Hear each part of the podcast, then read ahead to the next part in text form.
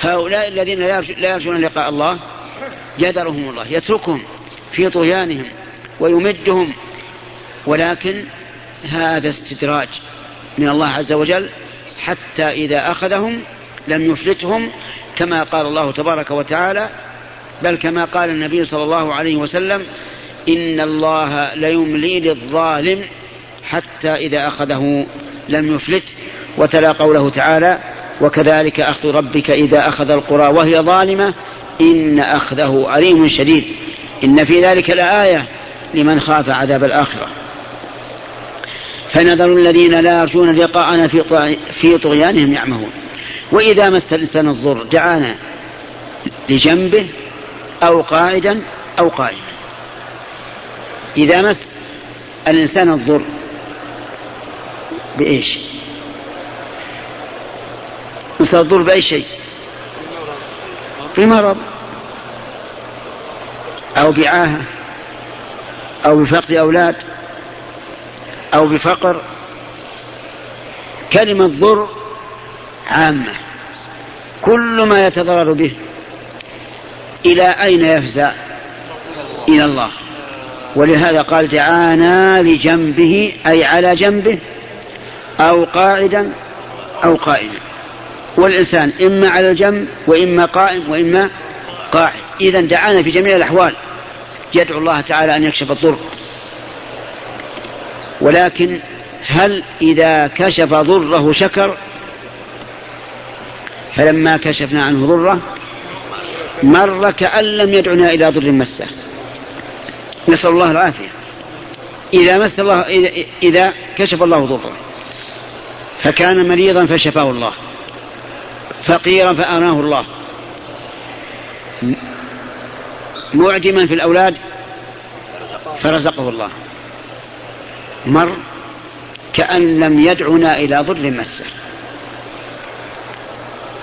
وفي هذا إشارة إلى أنه يجب على الإنسان أن يشكر الله عز وجل على نعمه. وذكر لنا النبي صلى الله عليه وسلم قصة ثلاثة رجال. قصة ثلاثة رجال أحدهم شكر الله فأبقى عليه النعمة والثاني والثالث لم يشكر الله فلم تدم النعمة من هؤلاء الثلاثة؟ أبرص وأقرع وأعمى. كلهم فيهم عيب في أجسامهم. كلهم فقراء. بعث الله إليهم ملكا على شكل إنسان وسأل الأبرص أي شيء أحب إليك؟ قال أي أحب إلي لون حسن وجلد حسن حتى يذهب عني هذا المرض الذي يقدر يقدر الناس فيه. فمسحه فأعطي لونا حسنا وجلدا حسنا. إذا ذهبت العاهة في بدنه. قال له أي المال أحب إليك؟ قال البقر آه الإبل. قال الإبل. أعطي ناقة عشرة. فولدت وأنتجت. وصار له واد من الإبل. ثم أتى الأقرع والأقرع هو الذي ليس على رأسه شعر. قال له أي شيء أحب إليك؟ قال شعر حسن. ويعني يذهب عني ما قدر الناس به. فمسحه فأعطي شعرا حسنا. ثم قال له أي المال أحب إليك؟ قال البقر. فأعطي بقرة حاملا. فأنتجت. وصار له واد من البقر. سبحان الله. أتى الأعمى. قال له أي شيء أحب إليك؟ فقال أن يرد الله إلي بصري فأبصر به الناس. شوف الفرق بين سؤال وسؤال هذاك. هؤلاء الاثنان السابقان طلبا شيئا حسنا. لا أن يرد الله حالهما إلى الحال الأولى لا شيئا حسنا. شعرا حسنا جلدا حسنا لونا حسنا. هذا ما طلب إلا مقدار الحاجة الأعمى. كيف ما طلب إلا مقدار الحاجة؟ قال أن يرد الله إلي بصري فأبصر به الناس بس. ما يريد إلا هذا. ما قال يعطيني عينا حسنة وأهدابا حسنة وحاجبا حسنا؟ لا. قال أن يرد الله إلي بصري فأبصر به الناس. مما يدل على إيش؟ على قناعة الرجل. فقال له أي المال أحب إليك؟ ها؟ قال الغنم. لا ذهب للإبل ولا للبقر قال الغنم. رجل يريد الكفاف. فأعطي شاة. فبارك الله فيها وأنتجت وكان له واد من الغنم. الآن كل واحد من هؤلاء أعطي النعمة التي تمناها. أليس كذلك؟ الأبرص ماذا أعطي؟ لونا حسنا وجلدا حسنا ومالا الأقرع كذلك الأعمى كذلك. أراد الله عز وجل أن يبتليهم مرة أخرى. أرسل إليهم الملك بصورة إنسان فقير وعابر سبيل. فقال فأتى أولا الأبرص. وقال له أني, أني رجل فقير وابن سبيل. قد انقطعت بي الحبال في سفري. يعني الأسباب. فلا بلاغ لي اليوم إلا بالله ثم بك. أسألك بالذي أعطاك الجلد الحسن واللون الحسن والمال أسألك بعيرا أتمتع به في سفري. ولكنه أنكر هذا أنكر النعمة. وقال إني ولدت هذا المال كابرا عن كابر. فقال له الملك إن كنت كاذبا فصيرك الله إلى ما كنت. ثم أتى الرجل الثاني من هو؟ الأقرع. وقال له مثل ما قال الأول فرد عليه مثل ما رد عليه الأول. فقال له الملك إن كنت كاذبا فصيرك الله إلى ما كنت. ثم أتى إلى الثالث القنوع الهادئ. قال له إني, ابن فقير إني فقير وابن سبيل قد انقطعت بي الحبال في سفري. فلا بلاغ لي اليوم إلا بالله ثم بك. وكنت أعرفك أعمى فرد الله إليك بصرك. فقيرا فأغناك الله. قال نعم. كنت أعمى فرد الله علي بصري. وكنت فقيرا فأعطاني الله المال. اعترف بالنعمة أو أنكر. اعترف بالنعمة. ثم قال له هذا الغنم بين يديك. خذ ما شئت ودع ما شئت. فوالله لا أجهدك اليوم بشيء أخذته لله. يعني ما أشق عليك لا بمنة ولا بأذى. في شيء أخذته لله عز وجل. فقال له الملك أمسك عليك مالك. ما نبي شيء. أمسك عليك مالك. فلقد رضي الله عنك وسخط على صاحبيك. الله أكبر. فانظر يا أخي كيف كانت نتيجة شكر النعمة وكفر النعمة. الإنسان الذي لا يشكر النعمة إن بقيت النعمة فهو استدراج. وإن زالت فهو عدل. لأن الله قال لنا لئن شكرتم لأزيدنكم ولئن كفرتم إن عذابي لشديد. فأنت إذا رأيت أن إذا رأيت الله قد أدر عليك النعمة وأنت مقيم على معاصيه فاعلم أن ذلك إيش؟ استدراج. لا تأمن مكر الله.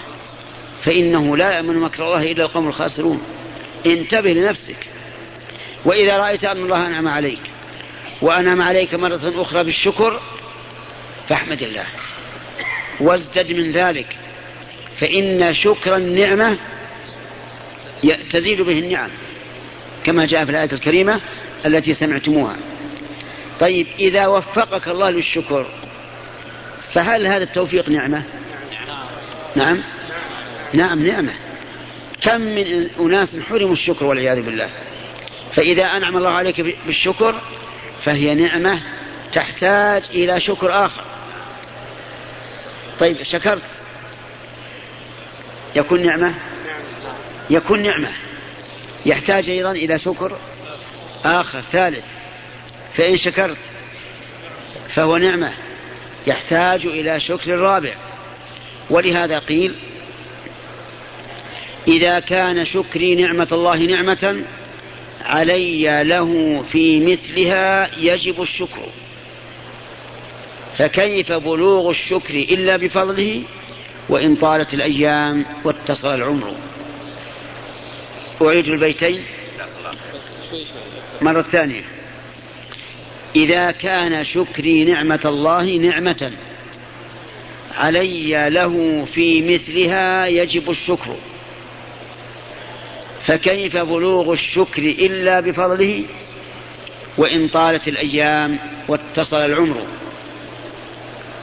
أعيده المرة الثالثة. من أجل أن أطلب منكم إعادتها. إذا كان شكري نعمة الله نعمة علي له في مثلها يجب الشكر.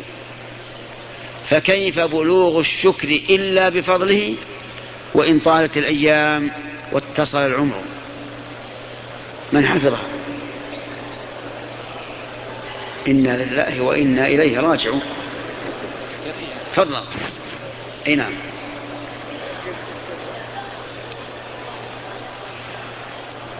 علي له. في مثلها يجب الشكر.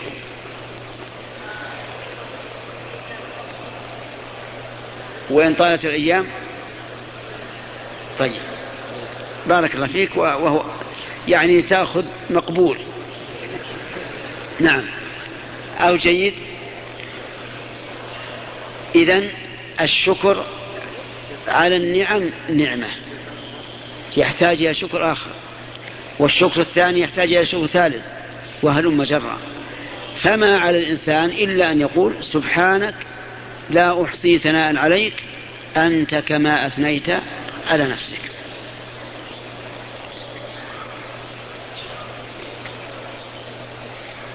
وإذا مس الإنسان الضر دعانا لجنبه أو قاعدا أو قائما فلما كشفنا عنه ضره مر كأن لم يدعنا إلى ضر مسه كذلك زين للمسرفين ما كانوا يعملون.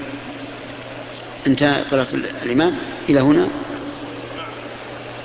إلى هنا انتهى قراءة المغرب؟ طيب. وإلى هنا ينتهي الكلام ونرجع إلى الأسئلة. نبدأ بها ونكملها إذا لم تنتهي قبل الصلاة نكملها بعد الصلاة إن شاء الله. نعم.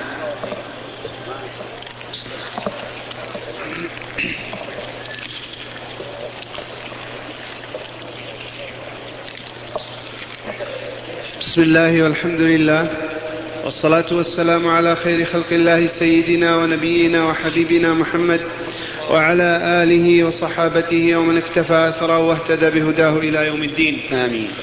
آه، سائل يقول فضيلة الشيخ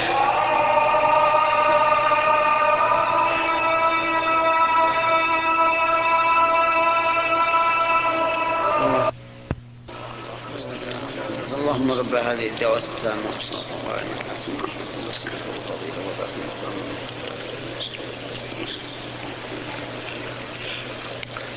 نعم. أعد السؤال. آه، يقول السائل آه، فضيلة الشيخ هل يعتبر أبوا رسول الله صلى الله عليه وسلم من أهل الفترة؟ وإذا كان كذلك فلماذا؟ لا السؤال أول. السؤال اللي قبل هذا ما قرأنا. هات اللي بعده. يقول آه، السائل ما معنى قولنا في الدعاء للميت وأبدله زوجا خيرا من زوجه وأهلا خيرا من أهله؟ نعم. الصلاة على الميت شفاعة له. ولهذا قال النبي صلى الله عليه وعلى آله وسلم ما من رجل مسلم يموت فيقوم على جنازته أربعون رجلا لا يشركون بالله شيئا إلا شفعهم الله فيه. فالصلاة الشفاعة ولهذا ينبغي للمصلي على الميت أن يخلص في الدعاء له بمعنى أن يدعو بقلبه ولسانه. أكثر المصلين فيما أظن يصلون بألسنتهم لا في قلوبهم لا بقلوبهم. تجده يدعو الدعاء لكن ليس هناك قوة في الدعاء. ولهذا يروى عن النبي صلى الله عليه وسلم أنه قال إذا صليتم على الميت فأخلصوا له الدعاء. الصلاة على الجنازة مرتبة بالأحق فالأحق. أولا الفاتحة. ثانيا الصلاة على النبي صلى الله عليه وسلم. ثالثا الدعاء لعموم المسلمين. رابعا الدعاء للميت. إذا كبرت الأولى تقرأ الفاتحة. وهي ثناء على الله عز وجل وتمجيد له. إذا كبرت الثانية تصلي على النبي صلى الله عليه وسلم. لأنه والله ما من بشر أعظم حقا عليك من رسول الله صلى الله عليه وسلم. هو أعظم البشر حقا عليك. هو الذي دلك. وهو الذي حثك على الخير. وهو الذي بين لك الشر وحذرك منه. فله أكبر فضل لمخلوق على مخلوق. انتبه يا أخي. انتبه لهذا. ومن ومن حقه عليك ألا تتجاوز سنته. بابتداع فتزيد فيها ما ليس منها أو بنقص فتهدر منها ما كان منها. اتبع. إن كنت تريد شفاعته إن كنت تريد أن تكون في الجنة معه فعليك بسنته. لا تتجاوزها وإن زينت لك البدع وإن أجلب مبتدعوها بخيلهم ورجلهم فإنها ليست بشيء. قال النبي صلى الله عليه وعلى آله وسلم من عمل عملا ليس عليه أمرنا فهو رد. فإذا أردت أن تعرف الميزان الذي يكون به القبول فاعرض هذا العمل إيش؟ اعرض هذا العمل على إيش؟ على الكتاب والسنة. إن وافق الكتاب والسنة فهو حق وإن لم يوافق الكتاب والسنة فهو باطل. طيب. صارت صارت الجنازة أولها البداء بإيش؟ بالفاتحة وهي حق الله. ثم بالصلاة على النبي صلى الله عليه وسلم. ثم بالدعاء العام. بعد التكبيرة الثالثة تقول اللهم اغفر لحينا وميتنا وشهيدنا وغائبنا وصغيرنا وكبيرنا. ثم الدعاء الخاص. نظير هذا من بعض الوجوه يا إخواني تأملوا. التشهد أوله تحيات لله. ثم سلام على النبي صلى الله عليه وسلم. ثم سلام علينا. ثم سلام على جميع عباد الله الصالحين. في الدعاء إلى الميت الخاص تقول اللهم أبدله دارا خيرا من داره وزوجا خيرا من زوجه واهلا خيرا من أهله. دارا خيرا من داره واضح ما في أشكال. يعني اجعل القبر خيرا من من قصره. اجعل قبره خيرا من قصره. ووالله إن القبر للمؤمن أسأل الله يجعلني وإياكم منهم خير من القصور. واهلا خيرا من أهله. أهلا خيرا من أهله؟ لأن الإنسان في أهله يجد منهم التنغيص أحيانا والمخالفة أحيانا ولا يستقيمون له على ما ينبغي فتسأل الله أن يبدله أهلا خيرا من أهله. زوجا خيرا من زوجه. نعم. هذا يشكل على بعض الناس أنه إذا كانت الجنازة امرأة كيف تقول زوج خير من زوجه؟ وهي إن كانت من أهل الجنة وهو من أهل الجنة فهو زوجها في الدنيا والآخرة. نقول نعم. التبديل يكون بالأعيان ويكون بالصفات. انتبه يا أخي. فمثلا إذا قلت لشخص أبدل الله صاحبك بخير منه ليس معناه أنه يجي صاحب جديد قد يكون لصاحبك خيرا من صحبته. فزوجا خيرا من زوجه.